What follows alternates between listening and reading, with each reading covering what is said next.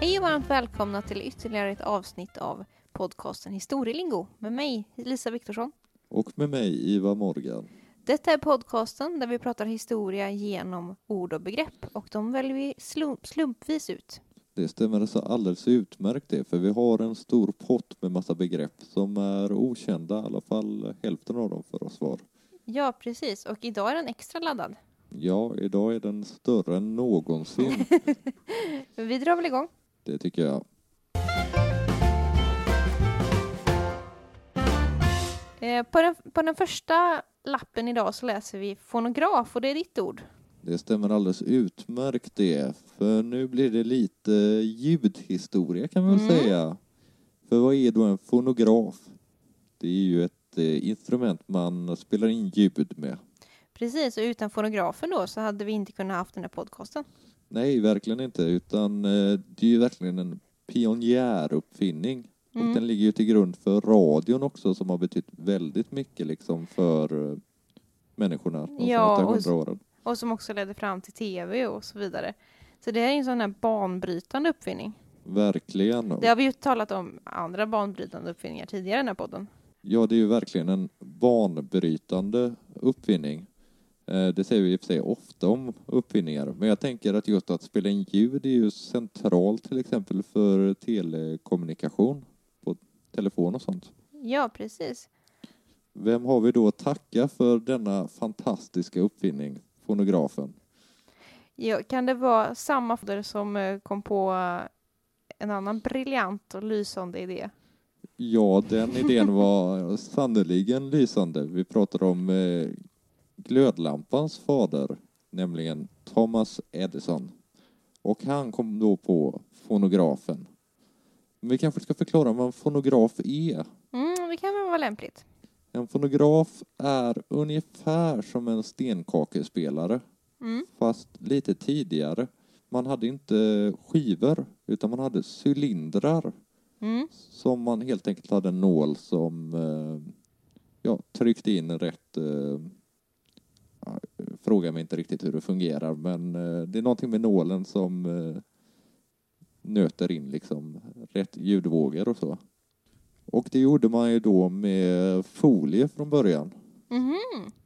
Så man hade en eh, tunn folie som den här nålen arbetade i och sen så blev det då vax. Det var då 1877 som Thomas Edison uppfann den här. Men sen så tio år senare så var det en man som hette Emil Berliner, eh, alltså 1887, som kom på den första skivan. Mm. Och då var det ju då bivax. Och det, det var ju det här som senare blev 78-varvan. Precis. eh, mer känd som Stenkakan. Det hade man på den gamla goda musiktiden, så att säga. Precis, det var ju bara tre minuter eller någonting speltid på dem, så att eh, en låt per sida. Ja, precis. Och ibland så kunde det vara så att en låt inte fick plats. Ja, Eller utan man det. fick kapa lite. Just det. Och det här blir då, eh, den här blir sen eh, utkonkurrerad utav 45-varvan, alltså singeln, men Mm. kanske framförallt LPn. Mm. Och eh, LPn kom någon gång på 50-talet började den göra entré. Och den håller ju i sig och är på modet länge. Ja, den, eh, den har fått en revival senaste åren. Ja, absolut. Det trycks ju faktiskt nyproducerad musik på LP idag. Ja, jag kan väl säga att jag är en samlare. Ja, det, det ska gudarna veta. Men eh, den här, eh, det här med LP, det var ju från början var det bara att man samlade ihop sina singlar liksom och hade på en lång sida som spelades på 33 varv. Mm. Men sen 67 så kommer ju Sgt. Peppers Lonely Heart Club Band, en Beatles-skiva och det blir det första liksom stora konceptalbumet. Och då börjar man göra LP-skivor mer som koncept, Mm. liksom, som ett sammanhängande konstverk. Det är ju något som kanske snarare har försvunnit numera. Eh, att det är musik konsumeras ju inte riktigt som album längre. Utan det är ju mycket mer singelbetonat idag med alla streamingtjänster. Verkligen. Och det har väl någonting också med tekniken att göra. Att Mm. tekniken liksom dikterar villkoren för hur kulturen skapas liksom. Ja, precis. Och idag är det ju singlarna viktigare också eftersom att det finns ett sånt enormt utbud av musik. Du kan... Det, det är nog inte så många kanske som har riktigt orken att sitta och lyssna på ett helt album längre. Nej, dessvärre så är det nog så. Eh, Men vi har hamnat på ett litet sidospår. Ja, ska vi ta oss tillbaka till fonografen? Vi kanske ska ta oss tillbaka till fonografen. Jag nämnde ju Thomas Edison Mm. och han var ju en briljant man. Han hade, tog eh, patent på 1093 olika uppfinningar under sitt liv. Det är lysande. Det är lysande. Han var väldigt produktiv. Men han var inte den första som spelade in ljud. Mm, nej. Utan eh, innan fonografen fanns fonoautografen. Okej. Eh, och det var en man som hette Martin Will, eller Martin Will, eh, antar jag han var fransk, som eh, uppfann den här fonoautografen 1857. Ja. Mm. I alla fall, den här fonoautografen, de tidigast bevarade liksom ljudinspelningarna gjorde man på den här och den tidigaste som finns bevarad är från 9 ap- april 1860.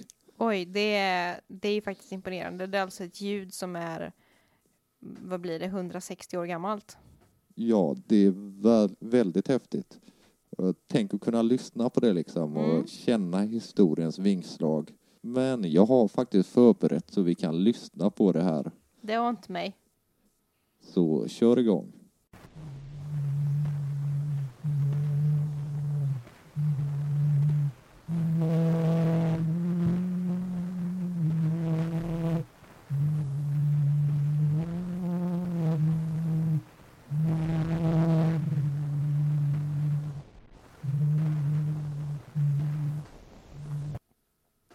Då har vi då lyssnat. Vad tyckte du om ljudkvaliteten? Ja, det låter ju i alla fall. Man hör ju att det är en röst, en Mm. mänsklig röst. Jo, precis. Man hör ju att det är inte en maskin utan det är en människa. Men det går inte riktigt att höra vad han sjunger. Nej, Men Nej. det är ändå häftigt att det är en mänsklig röst som är 160 år gammal. ja verkligen. Och jag råkar faktiskt veta vad det är han sjunger. Mhm. Eh, Det är en fransk folkvisa som heter Au clair de la lune. Och jag har faktiskt förberett här med första strofen. Kan det vara en, en eh, folkvisa som kanske de, de gamla goda occitanska vaganterna eh, sjöng som vi talade om förra veckan? Mycket möjligt. Fast jag tror den här mer var ett 1800-tals påhitt. Antagligen. I alla fall. Eh, Då kör vi här. Första versen. Au clair de la lune, mon ami Pierrot. Prête-moi ta plume pour écrire un mot. Ma chandelle est mort, je n'ai plus de feu. Ouvre-moi ta porte pour l'amour de Dieu. Kanske en översättning behövs. Ja, i alla fall för mig och nog eh, en och annan icke fransktalande lyssnare. I månens ljus, min vän Pierrot, räck mig ditt bläck så jag kan skriva ett ord. Mitt stearinljus har slocknat, jag har inte någon eld kvar. Öppna din port för Guds skull. Ja, det var ord och inga visor. Det var ord och inga visor. Nej, ganska fin faktiskt. För att rimmen försvinner ju på svenska. Så då blir den inte riktigt lika slagkraftig. Nej, det, det, är, är väl en anledning kanske till att man inte ska översätta den. Jag vet inte. Jag vet inte. Ska vi, ska vi lämna fonografen och fonoautografen och gå vidare? Det tycker jag.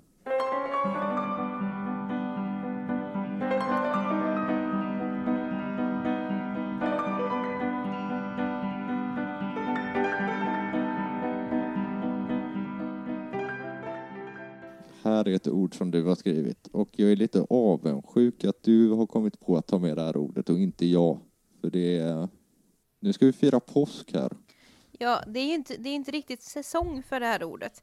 Men eh, Det är säsong hela året. ja, på sätt och vis, och sen så är det ju, det här är ju ett lotteri, så att eh, egentligen borde den ha kommit i påsktid. Men eh, begreppet, Mm. vill du säga vad det är?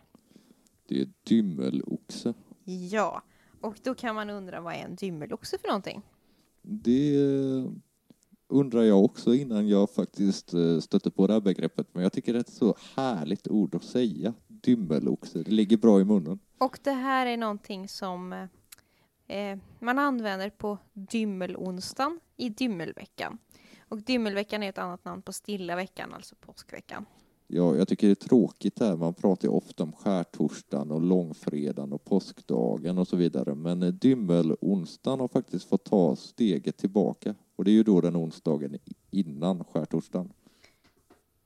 Ja, precis. Och det är ju med dymmelonsdagen som påskfriden börjar. Mm. Och vet du var namnet dymmel kommer ifrån? Eh, Jag har för mig att det har att göra med att man eh, lindar in eh, kyrkklockorna med någon slags tyg eller den här ja, gånggången eller vad du kallar det. Ja, det kommer från fornsvenskans dymbil. Och Mm. det stämmer att man ville ha ett dovare, dovare klang i kyrkklockorna. Så att kläppen i, Ja, kyrk, det. i kyrkklockan bytte man ut. I normala fall var den i någon form av metall eller bly. Men under dymmelveckan, eller från och med dymmelonsdagen, så bytte man ut den då till en träkläpp så att det skulle låta dovare. Mm, just det. Och det här gjorde man ända fram till 1571. Mm. Det handlar om att det dova ljudet i kyrkklockan kunde då få folk att eh, få fel tro. Man kunde alliera sig med Satan och så Ja, okej. Jag förstår. på grund av detta. Därför så fick man ta tillbaka blykläpp även under påsk, påskfirandet. Men eh, vad då en dymmeloxe är, är ju frågan. Och det är eh, den människan i hushållet, nu, vi pratar ju liksom Bonde bonde, Sverige. bonde-Sverige här. Och den människan i hushållet eller på gården då som är som vaknar sist och kliver upp sist på dymmelonsdagen. Får då öknamnet Dymmeloxe. Precis. Och då har alla andra i hushållet rätt att kalla hen för dymmeloxe i ett helt år, till nästa år. Och har man otur så blir man dymmeloxe ett år till och då får man vara dymmeloxe för alltid. Ja, det gäller att inte vara någon sjusovare den här dagen. För man vill ju inte vara Dymmeloxe. Ehm, och den här dymmelveckan, eller stilla veckan, är ju... Det finns ju fler dagar. Mm. Under den här veckan så skulle man ju bara ägna sig åt de absolut mest nödvändiga sysslorna. Ja, I övrigt skulle det vara stilla, det skulle vara lugnt och så vidare. Eh, och påsken är ju traditionellt i både kristendom och judendom en väldigt, väldigt viktig högtid, den viktigaste av dem alla. Ja, verkligen. Och eh, Det var ju då det hände. det Det som formar hela religionen i alla fall när det gäller kristendomen. Ja, precis. Ehm, och det innebär ju att alla dagarna i dymmelveckan har fått namn. Och Mm. det kan hända saker med folk på alla dagarna. Jag tänkte, ska vi ta en dag i taget? Mm, absolut. Då börjar vi med blå måndagen. Ja, vad blev man då om man gick upp Den som klev upp sist på blå måndagen blev askfisen. askfisen? Ja, det är ett mer otrevligt namn än Dymmeloxen. ja. Vita tisdagen, Mm. Den som vaknar sist då, blir helt sonika fetgrisen. Ja, det, det är ju stringent där. Sen har vi dymmeloxen på dymmelonsdagen. Eh, och det är ju med dymmelonsdagen som påskfriden inleds. Skärtorsdagen, Mm. då har vi skärtosen. Ja, okej. Då ja. blir man om man vaknar sist, blir man skärtosen. Ja, jag menar så här, det här har ju någon slags stringens. Både dymmelonsdagen och eh, skärtorsdagen, då påminner ju de här skällsorden eh, själva veckodagarna. Däremot varför man skulle bli askfis eller fetgris på måndag och tisdag förstår jag inte riktigt. Det förtäljer inte den här historien. Vi går vidare till långfredagen. Mm. Den är lite speciell. Långfredagen är ju den dag som man ska vara allra stillast på. Ja. Och eh, ända i Sverige, ända fram till 1973, så var alla alltså, nöjes, nöjesetablissemang stängda. Alla biografer, teatrar, eh, nattklubbar, kasinon och så vidare. Allt sånt var stängt fram till 19, 1973. ja. Ehm, under långfredagen. Och, men man ska ju inte ligga och dra sig, man ska ju inte sova bort långfredagen. Man ska ändå vara uppe. Man Krist, ska vara krist, man ska vara kristligt och foglig och vara uppe och vaken. Och reflektera över Jesu lidande. Mm. Så den som vaknar sist i hushållet blir helt enkelt långlaten. Långlaten, ja. Ja, Det jajamän. är också ett bra ord. Sen kommer påskafton. Mm. Vem vaknar sist på påskafton? Ja, det vet jag inte. Ja, men det är Stumpen. Stumpen, okej. Tycker jag är hittills det. är- Ja, men jag kan tänka mig vara Stumpen. Stump. Hellre, hellre Stump än Fetgris. Eller Långlat. Eller Dymmeloxe. Är det bara jag eller låter Stumpen som någon så här eh, smeknamn någon gammal Södermalmsmänniska kan ha? Ja, men det är Stumpen som hänger där Jag nere. vet inte. Jag vet inte det. Sen har vi kommit till det grande finale Ja, på söndagen då. Påskdagen. Och den är mest speciell av dem alla. Det är lite viktigare att inte vakna sist på just påskdagen. mhm. Och det är också lite viktigt att vakna först, för vet du vad som händer med den som vaknar först, först på påskdagen? Nej, inte den blekaste. Jo, den får se solen dansa. Ja. Blir Den- man det är som då eller? Titta på en ballett på himlen eh, om man vaknar först i hushållet. Vaknar man sist däremot, då blir man helt enkelt påsklosken.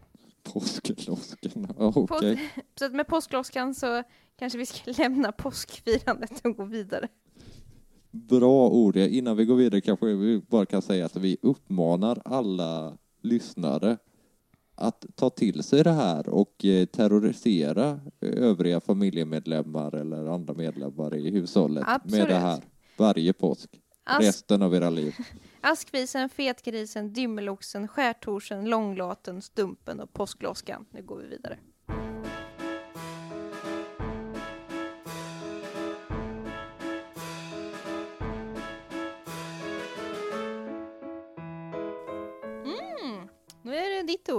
Och det är ett ord som, eh, som används ganska så ofta i språket. Ja, verkligen. Men ingen tänker kanske på varför. Nej, det här är ett ord som används väldigt ofta i språket och jag tog, det har väl inte någon direkt eh, historiekoppling, men jag tog med det för att jag tyckte det var intressant att se varifrån det kommer. Och ordet vi pratar om det är björntjänst. Och en björntjänst är ju något man gör när man menar väl, men det ställer till det för den man försöker hjälpa. Då är det ju en björntjänst, Mm, precis, och det, det är ett ord som man använder ganska ofta, att man gör någon en björntjänst. verkligen. Eh, och eh, det här kom från en fabel från början. Jaha, det, det ser man. Eh, Ska vi till... ehm, Ska vi hela vägen till antiken? Nej? nej, vi ska faktiskt till 1600-talets Frankrike. Mhm. Där levde en eh, författare som hette Jean de La Fontaine. Vad var det som var så kul med mitt franska uttal nu? Fontaine. Och eh, han var mästare på att skriva de här allegoriska fablerna. Men varför gör man då en björntjänst? Hur kommer det här sig? Eh, det kommer från en eh, fabel som heter Lour et l'amateur de jardin. Det vill säga björnen och trädgårdsmästaren. Mhm. Det låter väl som en eh, spännande historia. Ja, den vill man läsa. Ja. Det, och jag, den är inte särskilt lång, utan eh, den är bara någon sida lång liksom. Mm, ja, de är ju sällan långa de här fablerna. I alla fall. Björnen lever själv och han har inget sällskap så. Och eh, trädgårdsmästaren lever också själv och inget sällskap. Så de ger sig ut på någon slags vandring och sammanstrålar med varandra och blir goda vänner. De känner sig ensamma men eh, de träffar varandra och eh, trädgårdsmästaren han bjuder in björnen att käka med honom. Han har ju massa människomat och så. In, Mm. Inte kanske vanligt björnkrubb. Inte något som eh, kittlar dödsskönt i kistan direkt. Men eh, ändå. Nej, en björntjänst gör ju ingen glad. Det gör inte det. I alla fall. Björnen följer med och eh, de slår läger liksom och äter tillsammans och blir språkar, har det trevligt, blir goda vänner. Sen så kommer kvällen och eh, trädgårdsmästaren lägger sig för att vila Mm. när det plötsligt kommer en irriterande fluga flygande Mm. och björnen ser ju den här flugan och försöker eh, få bort den. Så den, den försvinner inte. Till slut sätter sig flugan på uh, trädgårdsmästarens huvud Mm. och björnen får en uh, genial idé. Ja, jag tror jag vet vart vi är på väg. Han går och hämtar en stor sten och drämmer den i huvudet på trädgårdsmästaren. Och det, var, det är ju verkligen en björntjänst. Han menar väl att Ja. eh, han vill ju inte att hans nyfunna vän liksom ska bli... Nej, blir Plågas retad av en fluga. Men så han tar saken i egna Ramar. lapp- ramar precis. Och eh, smäller den här i huvudet på trädgårdsmästaren som såklart avlider. Och då kan man ju fråga, vad är egentligen sensmoralen med den här fabeln? För att det finns ju ofta, det finns Ja. alltid en sensmoral som eh, ska göras tydlig i fabeln. Det är väl att man ska tänka efter. Nej, för Nähä. man kan tänka sig så. Sensmoralen av den här är, det är bättre att ha en klok fiende än en korkad vän. Ja, jag vet inte. Nej, jag vet inte om jag skriver under på det Nej, jag, jag tror kanske inte att jag gör det. Jag, jag tänker med björntjänst, då kommer jag att tänka på Emil Lönneberga. Mhm. När han gör sina hyss. Då Ja. säger, brukar han ju säga att det gjorde jag av min godhet. Ja, just det. Och sen ehm, när någon frågar varför han gör så mycket hyss så säger han att jag vet, jag vet ju inte att det är hyss. Det vet jag aldrig förrän efteråt. Nej, det, det ligger något i det kanske. Men därav kommer liksom det här begreppet björntjänst som jag i alla fall personligen använder ganska ofta Ja, i mitt dagliga tal. ja, men- Och det, folk gör det liksom. ja, Men jag hade faktiskt ingen aning om att det kom från den här eh, fabeln. nej inte jag heller. Men eh, nu vet vi det och det vet vi lyssnarna också. Ja, Fast de kanske redan visste det. ja, det är mycket möjligt. Men vi går vidare.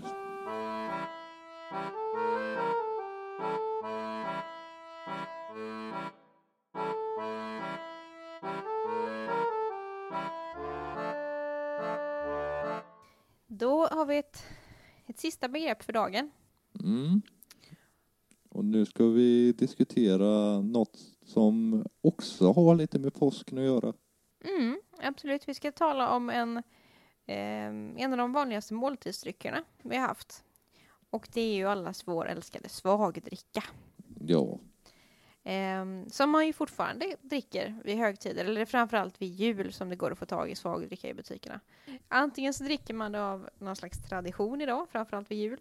Eller så använder man det som eh, grund när man eh, gör brygger egen glögg. ja det stämmer alldeles utmärkt det. Men historiskt så har det använts annorlunda då. Ja, Eh, det var en väldigt vanlig liksom, eh, måltidsdryck. Absolut, och det har det varit sedan medeltiden och det här var ju någonting som gemene man liksom bryggde hemma. Och eh, Vi har ju varit inne på det tidigare också med vattenkvaliteten. mm, Och, alltså att man var tvungen att förädla vatten på något sätt för att man skulle kunna dricka det genom stora delar av historien i Sverige. exakt. Och svagdricka är ju på sätt och vis då ett, ett ja, mindre alkoholhaltigt alternativ till, till öl. Mm, för Och- visst är det humle i? Det är det. Det är absolut humle. Det är em, en blandning på humle, socker, sirap och sackarin. Ja, just det. Så det är alltså tre olika sorters sötningsmedel som är, utgör bas i det här. Eh, och, Något för gottegrisen. absolut. Eh, men det här gjordes då som en, ja, en lite snällare variant av, eh, av, av öl eller annan alkoholhaltig dryck. Och svagdrickan är ju svag. Historiskt sett så har den varit legat på ungefär 0,8 procent. Ja, det är inte mycket. Idag när man köper i matbutik så brukar de ligga på 0,8 till 2 procent. Då får man tänka att en lättöl är på 2,2 så att den är betydligt eh, svagare Ja. än lättöl. Precis. Så det är nästan till ingen alkohol i den. Ehm, och det här drack man ju till vardags som måltidsdryck. Men det gick åt extra mycket vid högtider förstås. Ja, självklart. Man fick ju fästa till det lite. Och ehm, in, oftast drack man den ju som den är. Kall liksom. Men man kunde också dricka den värmd och tillsammans med mjölk. Det låter spontant inte jättegott. Jag har inte smakat men jag kan inte föreställa mig att det är speciellt gott. Eh, man gör en sån här blandning mellan svagdricka och mjölk så kallas det för drickablandning. Ja. Men det var framförallt i södra delarna av Sverige som det här var populärt. Ehm, men man kunde använda svagdricka till mer saker. Ja, vad då för någonting? Tillverka färg till exempel. Okej. Man kunde applicera då svagdricka som bindemedel i färg. Ja, det kanske är någonting man skulle ta upp igen. Det Ja. låter ju ganska organiskt och Det, det låter som ett miljövänligt alternativ till, Verkligen. eh, till, till eh, oljebaserade färger. Så det kan, ska ni måla om så testa och göra lite svagdricka färg. I alla fall, det här är någonting som man har druckit extremt mycket av. mm, Kring sekelskiftet 1900 så drack svensken i snitt 35 liter svagdricka per person och år. det blir ju nästan en halv liter i veckan. Mm. Och om man tänker sig att det främst var runt eh, högtiderna så måste man ju druckit kopiösa mängder då. Och att man då späd, kunde spä ut det då. Mm, just det. Um, finns inte så jättemycket mer att tala om svagdricka, men jag tycker det är intressant med att ta upp en del sådana här vardagsföreteelser som folk har använt dagligdags, men som man kanske inte tänker så mycket på. Ja, verkligen. Svagdricka är ju någonting som man idag ser i butiken runt jul och sen så kanske man inte reflek- ref- reflekterar så mycket över det. Nej, Det brukar vara en sån här etikett med någon som ser ut som någon rallare eller någonting på karaktäristisk 1800-talsmustasch. Ja, precis. Ehm, men svagdrickan har ju fått liksom ge vika då för andra, andra typer av drycker och det har ju kanske lite också att göra med att vi har en vattenkvalitet som, eh, som under 1900-talet har blivit så avsevärt mycket bättre så man kan dricka vatten och det finns ja, läskedrycker och annat som har konkurrerat ut svagdrickan. Mm. Eh, men som sagt, den finns i delar av året i, butik fortfarande. Ja, så har ni inte testat så köp en flaska nästa gång ni stöter på det. Jag tycker att det är ganska gott. Jag tycker det smakar fruktansvärt. ska, vi, ska vi lämna lyssnarna med detta svagdricka-dilemma? Ja, kanske jag gör dem en björntjänst när jag säger att de ska köpa en flaska. Mm. Men, men man kan ju se att, att det, det, det är som att smaka lite kulturhistoria. Ja, verkligen. Men innan vi avslutar så ska vi väl säga att vi, det går att nå oss också. Det kan man göra absolut på antingen historielingo.gmail.com Mm. Eller sociala medier. Facebook, Instagram, där heter vi historielingo. Men med det så tackar vi för att ni har lyssnat. Det gör vi verkligen. Hoppas att vi hörs igen om en vecka. Det hoppas vi. Ha det gott. Ha det gött. Hej. Hej.